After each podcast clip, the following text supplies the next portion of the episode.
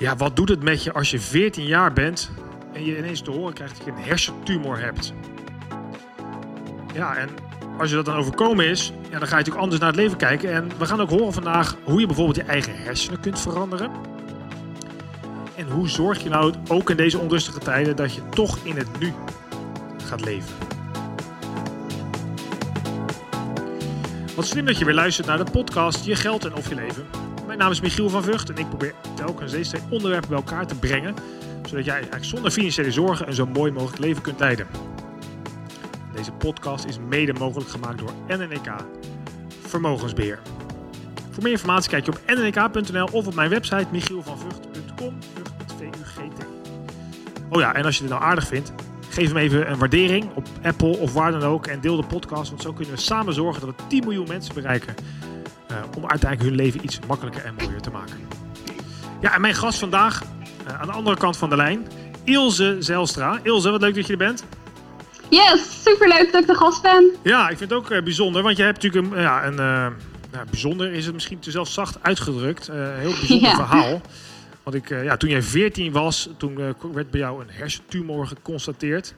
Nou, iets waar we zo ook over gaan hebben, maar ik kan me niet eens voorstellen hoe dat is. Laat staan als je zo jong bent, want dan nog een heel lang leven voor je en dan krijg je dit te horen. En toch is het tien Ja. jaar verder.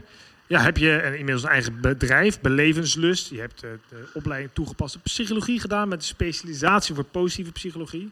En ben je eigenlijk zover dat je denkt, nou, ik wil gewoon eh, andere mensen ook inspireren om een mooi leven te leiden. Wat een verhaal, joh. Ja, klopt. Ja.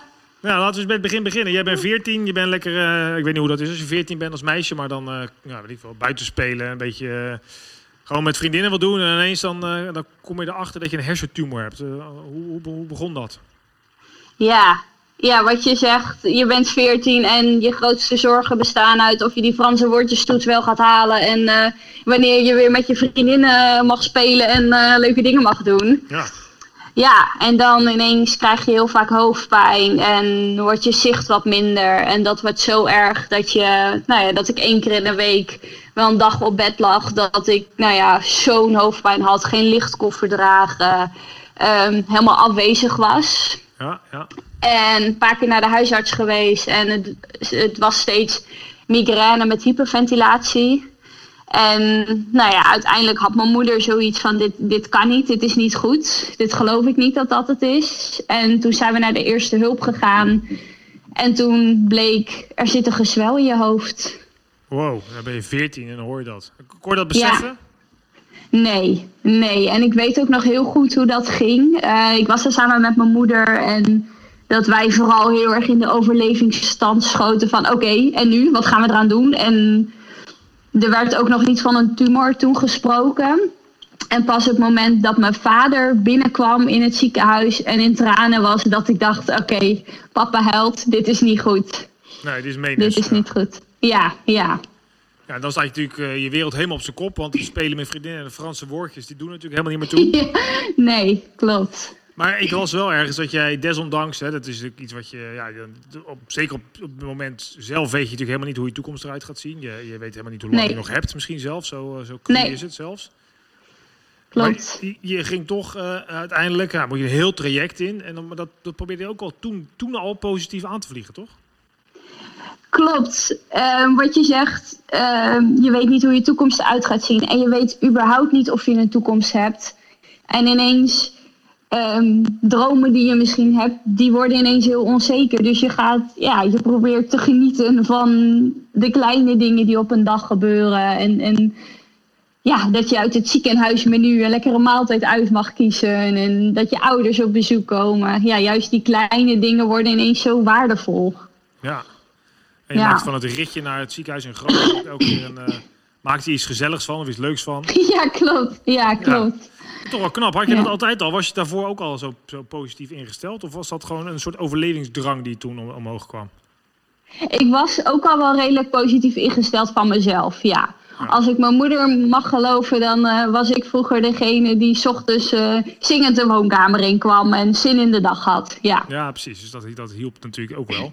Nou, dan ben je Ja. nu zo tien jaar verder. En dan, eh, je, je zei net in het voorgesprek, je, je, je toestand, zeg maar, klinkt misschien een beetje onaardig, maar is stabiel. Klopt. De tumor zit er nog. Je hebt ook nog een, een drain eh, in, je, in je hersenen naar je buik, volgens mij, om eh, ja, om toch wat vocht af te voeren als de druk wat hoog wordt. Klopt. Maar goed, je- Klopt. het is wel zeven jaar lang eh, gaat het soort van goed. Ja, ik weet niet hoe ik dat moet zeggen, maar... Ja, nee, klopt. Ik heb inderdaad nou ja, een aantal keer een, een terugslag gehad dat de tumor weer was gegroeid na een operatie. En ik ben bestraald geweest. Ik heb nog een hersenbloeding gehad. En dat is nu dik zeven jaar geleden. En inderdaad, toen zijn er drains geplaatst en sindsdien gaat het goed. En de tumor kon operatief niet helemaal verwijderd worden omdat hij vastzit aan de oogzenuw. En dan zou ik blind worden meteen. Ja, ja, precies. En hoe zijn de Ja. vooruitzichten dan nu? Of is dat heel onduidelijk voor je? Ja, ze hebben gezegd het kan zijn dat de tumor afsterft. Dat, die, nou ja, dat ze met de bestraling of met de operatie misschien het hart van de tumor hebben verwijderd of dood hebben gemaakt. Het kan ook zijn dat hij weer gaat groeien. Het kan ook zijn dat hij zo blijft. En nou ja, dus ik heb gewoon zoiets, ik kan, als het zo blijft, ik kan 100 jaar worden. Oké, dus dat is wel jouw instelling. Dat is eigenlijk wel wat is. Als ik me dat zo hoor, denk ik, dat lijkt me dood, eh, dood onzeker. Maar jij eh, denkt, ja, nou, als het zo blijft, dan word ik gewoon 100. Ja, Ja, mooi. Ja. ja. ja, maar inderdaad, het is ook onzeker. Maar weet je, het leven is sowieso onzeker. En je kan, er kan je altijd wat overkomen. Zeg Dat- maar, dus het heeft waar. geen zin om met die angst te leven. En nee, hoop en vertrouwen hebben, dat brengt je ver. Ja, Ja, wat mooi. Want toen uiteindelijk, eh, nou ja, na heel veel eh, medische eh, behandelingen, uiteindelijk kon je verder met je school. Heb je gewoon je VWO afgemaakt, wat natuurlijk ook al een prestatie op zich is. En eh, je, nou, weet je, dan ga ik ook nog verder studeren, je toegepaste psychologie gaan doen. En dat, dat, daar ben je nu ook je eigen bedrijf omheen gaan maken. Om vanuit je eigen ervaringen die je hebt gehad en hoe je nu naar het leven kijkt, ook anderen te helpen. Eh, vertel eens, hoe is dat dan ontstaan? ja klopt. Eh, ik ging inderdaad eh toegepast psychologie studeren toen ik 18 was. En in het begin van mijn studie, nou ja, de psychologie ehm, is toch altijd wel een beetje negatief ingesteld. En op een gegeven moment kreeg ik het vak positieve psychologie. En toen dacht ik, ja, dit is het helemaal. Dat er gewoon een hele wetenschap is over positief in het leven staan. Ehm, kijken naar de mooie dingen. Doen waar je goed in bent, waar je blij van wordt. Dus toen ben ik me daar inderdaad verder op gaan richten.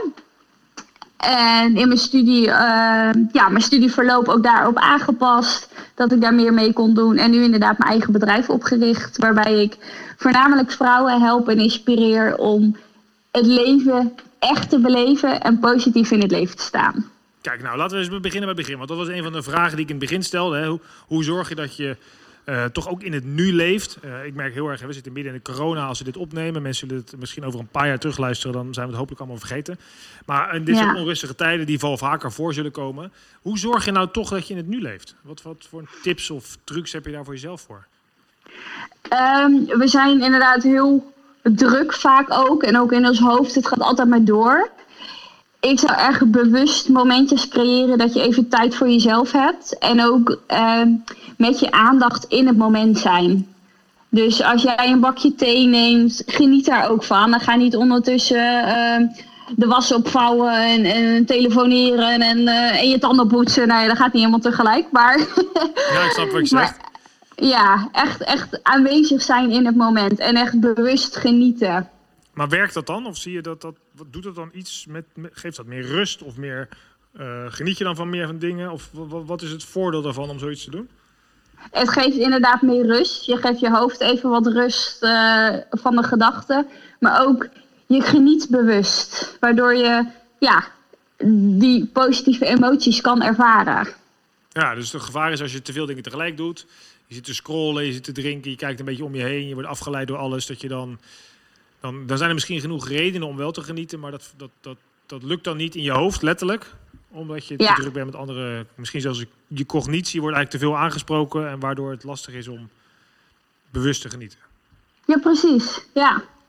Maar oké, dus ik zeg, is, is het zo simpel dat je zegt, nou, pak een bakje thee, kijk lekker naar buiten, telefoon even weg. En is, is dat het? Nou, dat, zijn, dat is zeker iets wat je kan doen. Als je dat een paar keer in je dag doet, bijvoorbeeld, doe ook dingen waar je blij van wordt. En niet alleen maar moetjes en moetdingen.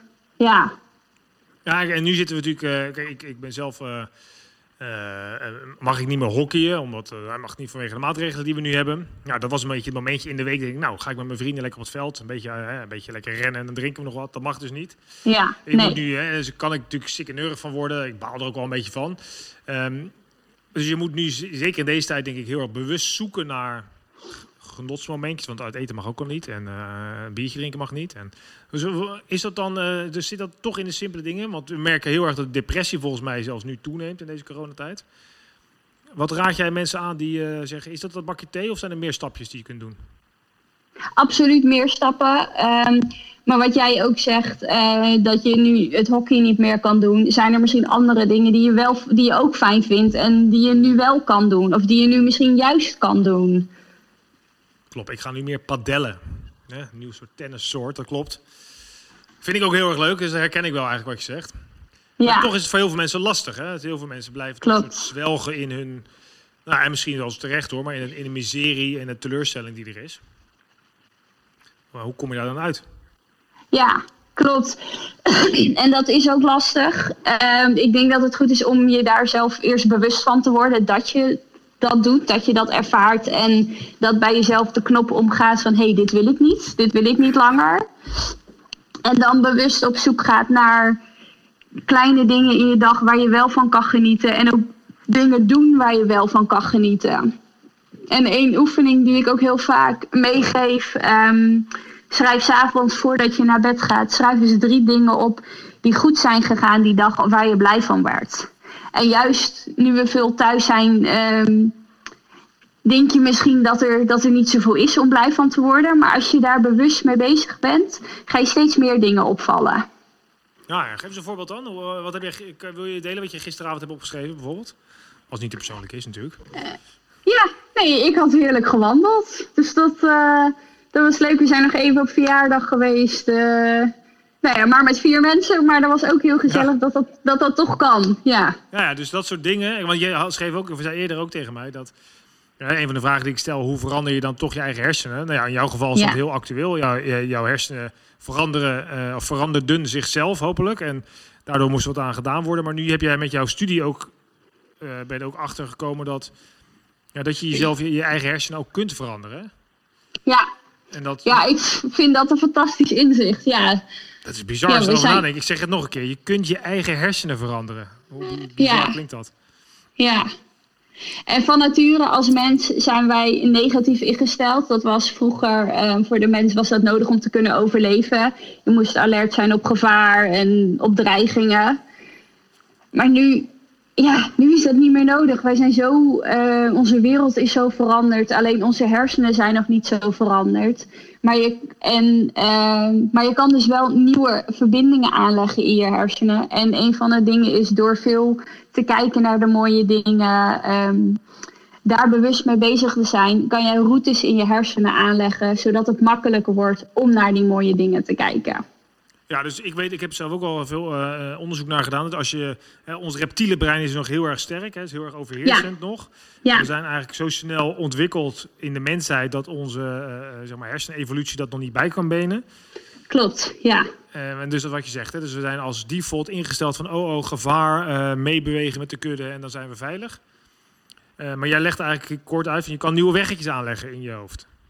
Klopt. Ja, en die, we- en die weggetjes kun je dus ook, en dat heb jij onder andere met je positieve psychologie, waar het, eh, het vooraf over had, kun je dus je eigen positieve paden aanleggen. Maar hoe doe je dat dan? Geef eens een voorbeeld. Dus zeg, je, eh, een van de dingen is misschien dagelijks die, die drie dingen opschrijven waar je dankbaar voor bent. Zijn dat van die positieve paadjes aanleggen of zijn er grotere dingen die nodig zijn? En dat is een mooi begin. En dat, en dat heeft al vaak al zo groot effect. En juist dat je dan ook op dagen die misschien niet fantastisch leken, en helemaal nu we veel thuis zitten, dat je misschien denkt, nou, ja, wat is eigenlijk gebeurd? Juist ehm, door die oefening te doen, ga je wel op zoek naar die mooie en fijne dingen. En als je daarnaar kijkt, ehm, we zijn heel slecht in multitasken. Jouw hersenen hebben dan veel te druk om te richten op de negatieve dingen. Oh, je kan jezelf een beetje voor de gek houden eigenlijk. Ja, dat ook. Ja. Maar is het dan, ehm, wat, merk je dat dan? Want als je, hoe lang moet je dat dan doen? Hoeveel dagen moet jij eh, drie keer iets positiefs opschrijven dat je Of ga je merken het helemaal niet? Is het meer een soort onbewuste gedragsverandering die ontstaat? Er zijn, er zijn onderzoeken dat je, ehm, volgens mij, als je deze oefening volgens mij twee weken doet, dat je tot een half jaar later nog steeds effecten ervan hebt. Dat je, Oh, nou ja, snel. ja, Met zoiets kleins kun je een half jaar al een soort effect bereiken. Het is eigenlijk bizar dat we dat niet geleerd krijgen op school. Ja, nou, dat vind ik ook, ja. Ja, Dus als je, ja, en, en dus in, in breken langzaam maar zeker is ook mogelijk dat die paden, zeg maar die negatieve paden zich dan, dat worden die ook zwakker als je dit maar, als je Ja. ook positief, ja? Ab- absoluut, ja. Ehm, wat ik al zei, eh, nou ja, hoe vaker je die, ene pa die positieve paden bewandelt, hoe sterker die worden. Maar ook hoe zwakker inderdaad die negatieve paden worden. Ja, Oké. Dat is wel iets wat, wat waardevol is, denk ik, voor heel veel mensen en voor mijzelf ook. ja, ja, Ja. absoluut, ja. En, maar jij hebt natuurlijk een enorme tegenslag gehad. En je had dus een enorm grote snelweg lopen met een, uh, althans kan ik me zo voorstellen, in je hoofd met een negatieve. eh, oh, ik heb hoofdpijn, woep. Eh, ja, dat, je kan heel snel zo'n soort verbinding leggen, waarschijnlijk tussen hoofdpijn en oh, ik moet weer naar het ziekenhuis. Eh super grote snelweg. En net zeg je, ja joh, maar met deze toestand word ik gewoon 100. Terwijl er nog steeds wat in je hoofd zit. Dus op, jij hebt dus gewoon die snelweg bij wijze van spreken afgesloten en een nieuwe snelweg aangelegd. Die dus heel anders denkt over dezelfde situatie. Ja, zo zou je het kunnen noemen, ja. Ja, Ja. Maar dat is dan geleidelijk gegaan? Of ben je daar... eh wat naast... Ik bedoel, ik kan me voorstellen dat er veel meer dingen zijn... dan die drie keer drie dingen opschrijven in een avond.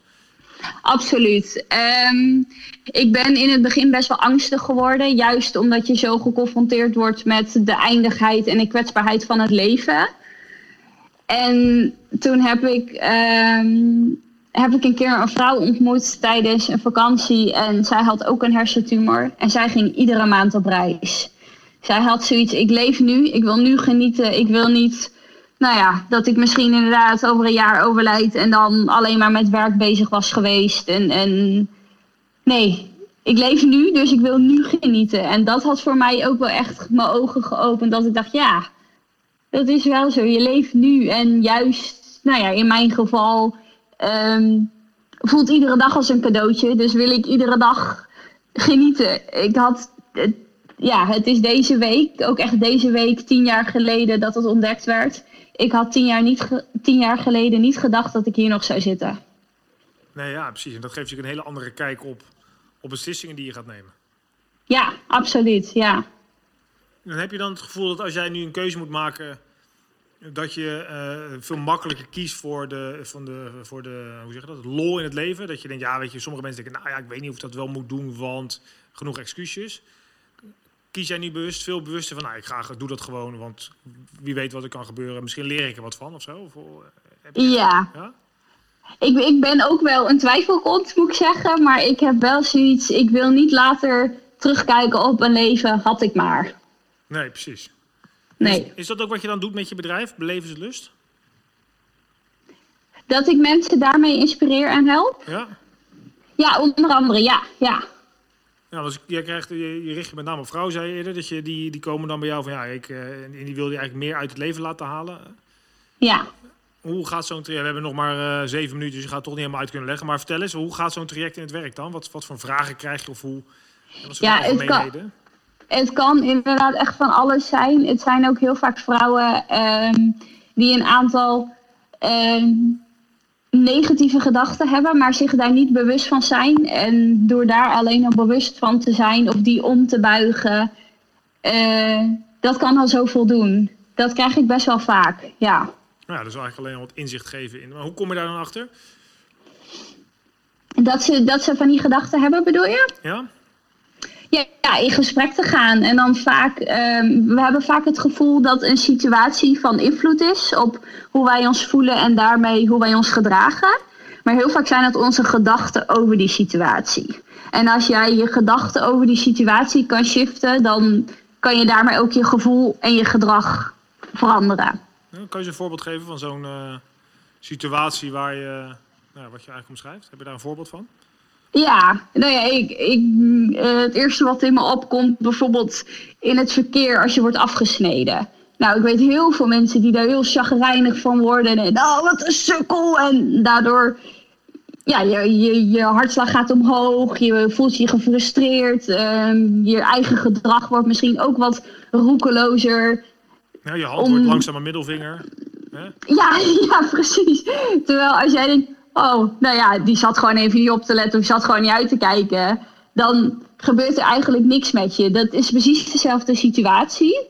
Maar doordat je er anders naar kijkt, ehm, voel jij je prima, terwijl het ook net is gebeurd. En daarmee gedraag je je ook normaal.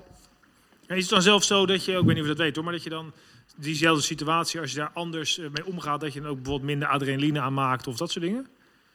Ja, absoluut. Ja, ja. Onze gedachten ehm, kunnen heel snel ons, inderdaad, ons stresshormoon activeren, ons cortisol. Ja. Dus je, je bent eigenlijk echt wat je denkt. Ja. Ik, ik, vind, ik vind altijd wel een mooi voorbeeld als jij ehm, in een donker steegje loopt s'avonds en je hoort achter je iets. En als je denkt, uh, oh, wat is dat? Oh, is dat iemand die mij probeert iets aan te doen, die mijn tas probeert te stelen? Nou, je hartslag gaat omhoog, um, je loopje wordt misschien wat sneller, je ademhaling versnelt. Terwijl als je denkt, oh, dat is gewoon een kat die aan het rommelen is, dan is het prima. Ja, dat is grappig wat je zegt. Ik heb het ook wel eens gehad. Dan liep ik naar huis en dan hoorde ik wat. Oh, oh, en dan ga je de hele stuk naar huis, zie je wat, hoor je wat. En bij wijze van ja. eindig je rennend naar huis. Ja, precies. Terwijl misschien een rommelende kat was, ja, een spelende kat. Ja, ja. Ja, dus hele elke situatie, maar net hoe je dat beoordeelt. Het is een beetje wat, uh, ik weet niet wie dat nou... Maar is dat Stephen Covey die dat uh, in zijn boek, uh, een van die boeken omschrijft als een cirkel van invloed, geloof ik, en een cirkel van betrokkenheid. Dus waar je wel en geen invloed op hebt. En vaak het enige waar je echt invloed op hebt is hoe je erover denkt. Ja, absoluut. Ja, ja. Dus jij wordt nu afgesneden en dan denk je, joh, prima, die gast had haast. Laat hem lekker naar huis. Ja. Je gelooft het wel. Ja. Dat geeft jou veel meer rust en positiviteit dan als je je boos zou maken dus. Absoluut, ja. Nou ja, en jij zei ook, uh, ja, weet je, leef nu. Hè? Uh, zorg dat je, je, je weet niet hoe lang je nog hebt. Dat is door jou uh, tumor heel duidelijk geworden voor jezelf. Maar uiteindelijk gaan we natuurlijk allemaal een keertje dood. Dus we hebben allemaal een beperkte... Ja, uiteindelijk, ja, dat, het is nou eenmaal zo in deze tijd van... Uh, we hebben nog niet in ieder geval de, de uh, hoe zeg je dat, onsterfelijkheid uitgevonden. Nee, klopt. Maar heel veel mensen denken natuurlijk van... Ja, maar dat doe ik later wel. Maar ja, later als ik groot ben of later als... weet ik voor wat voor reden. ja. En ik dus denk voor heel veel dingen dat het ook wel logisch is. Want je kan niet zeggen, ik, ik, ga alles verkopen en ik ga maar op reis. Want dan kom je weer terug en dan moet je toch weer wat gaan doen. Dus je moet een beetje nuance kiezen, denk ik. Absoluut, ja. Maar hoe help jij eh, mensen die dan toch een beetje vastzitten om eh, de eerste stapjes te zetten? Mensen die zo luisteren denken, ja, ja ik, ik, wil ook wel eens wat meer in het nu leven en wat meer genieten. Ja, nou vaak is het ook um, als wij grote dromen hebben, bijvoorbeeld op reis gaan. Um, vaak zit daar iets achter. Dat je verlangt naar of naar avontuur of juist naar geluk of juist meer op zoek bent naar jezelf. Um, ja, daar kun je natuurlijk naartoe. Je kan natuurlijk die reis gaan doen, maar je kan ook kijken, goh, hoe kan ik dat avontuur of dat geluk, hoe kan ik dat nu al in mijn dagen vinden? Waar ben ik naar op zoek en hoe kan ik dat nu al vinden? Ja, ja, makkelijker gezegd dan gedaan. Ik uh, voel mezelf aangesproken. Ik wil het liefst uh, elk jaar een mooie reis maken, ergens de wereld zien. Ik denk van ja. het avontuur en het onbekende en een beetje spannende. Maar ja, ik mag nu nergens naartoe. Dus wat nee. ik hier bij mij in de polder een rondje gaan lopen, vind ik niet zo spannend. Nee, nee, maar dat zijn wel dingen wat je kan doen. Dat je inderdaad in Nederland op zoek gaat naar andere plekjes, ontdekken. Of juist in je eigen omgeving weer eens met die toeristenblik om je heen kijken.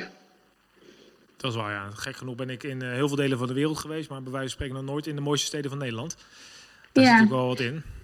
Ja, ik weet, ik weet nog een keer dat ik, uh, ik heb in Groningen gewoond en dat er uh, twee toeristen, uh, dat ik de supermarkt uitliep en dat er twee toeristen liepen en die zeiden, oh John, look at that gorgeous building. En ik dacht, ja, dat is gewoon het gebouw tegenover de supermarkt ja, is eigenlijk best mooi. Zeg maar dat je zo, omdat je er iedere dag langs loopt, ben je daar vaak niet meer van bewust. Maar juist als, nou ja, even die toeristenblik, kan je daar weer bewust van maken dat ook onze eigen omgeving best mooi is. Ja, dat is ook waar. Dat is ook zeker waar.